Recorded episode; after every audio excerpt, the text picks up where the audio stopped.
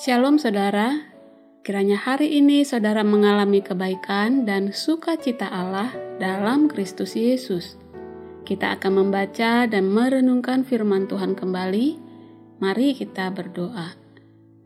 Ya Tuhan, kami berterima kasih karena Engkau memberikan kebenaran dalam hidup kami, bahwa kami dapat datang kepadamu, Tuhan Sang Pencipta Kiranya firman-Mu hari ini menolong kami untuk makin meyakini berkat-berkat yang telah Engkau anugerahkan, sehingga kami boleh dengan tetap berpengharapan, tegap menjalani hidup yang Tuhan masih percayakan.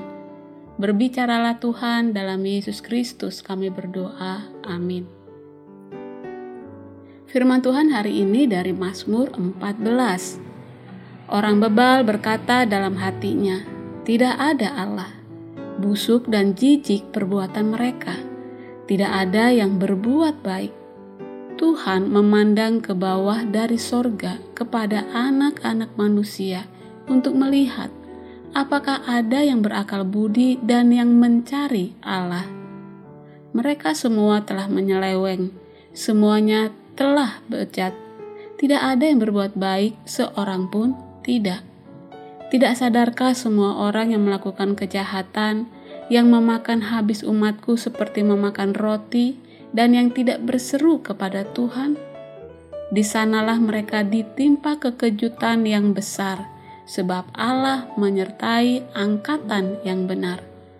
Kamu dapat mengolok-olok maksud orang yang tertindas, tetapi Tuhan adalah tempat perlindungannya.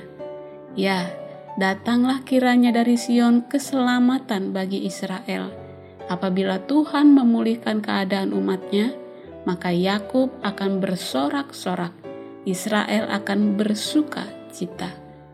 Demikian firman Tuhan. Menikmati akses kepada Allah.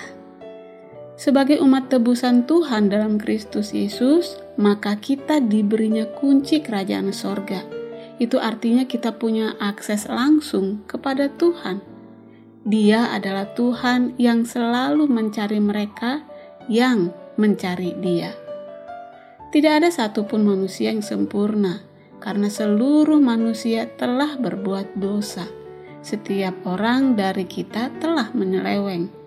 Daud menggambarkan penyelewengan ini secara umum, tetapi dia juga memberikan dua contoh spesifik yaitu yang pertama, menyangkal keberadaan Tuhan, ayat 1. Orang bebal berkata dalam hatinya, tidak ada Tuhan.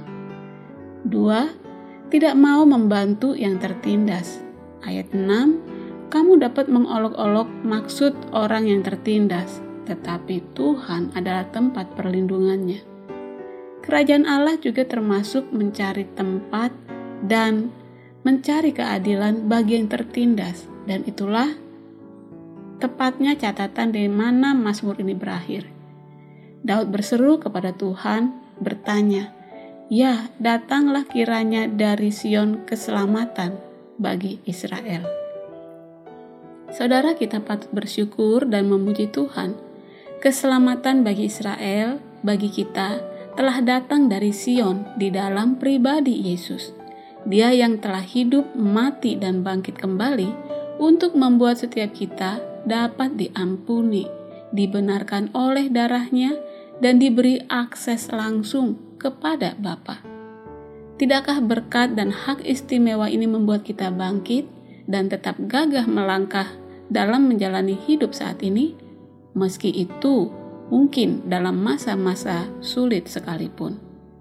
Saudara datanglah kepada Dia, Tuhan dan Bapa kita. Berserulah dan yakinlah Dia mendengar dan mau menolong kita. Tuhan memberkati. Amin.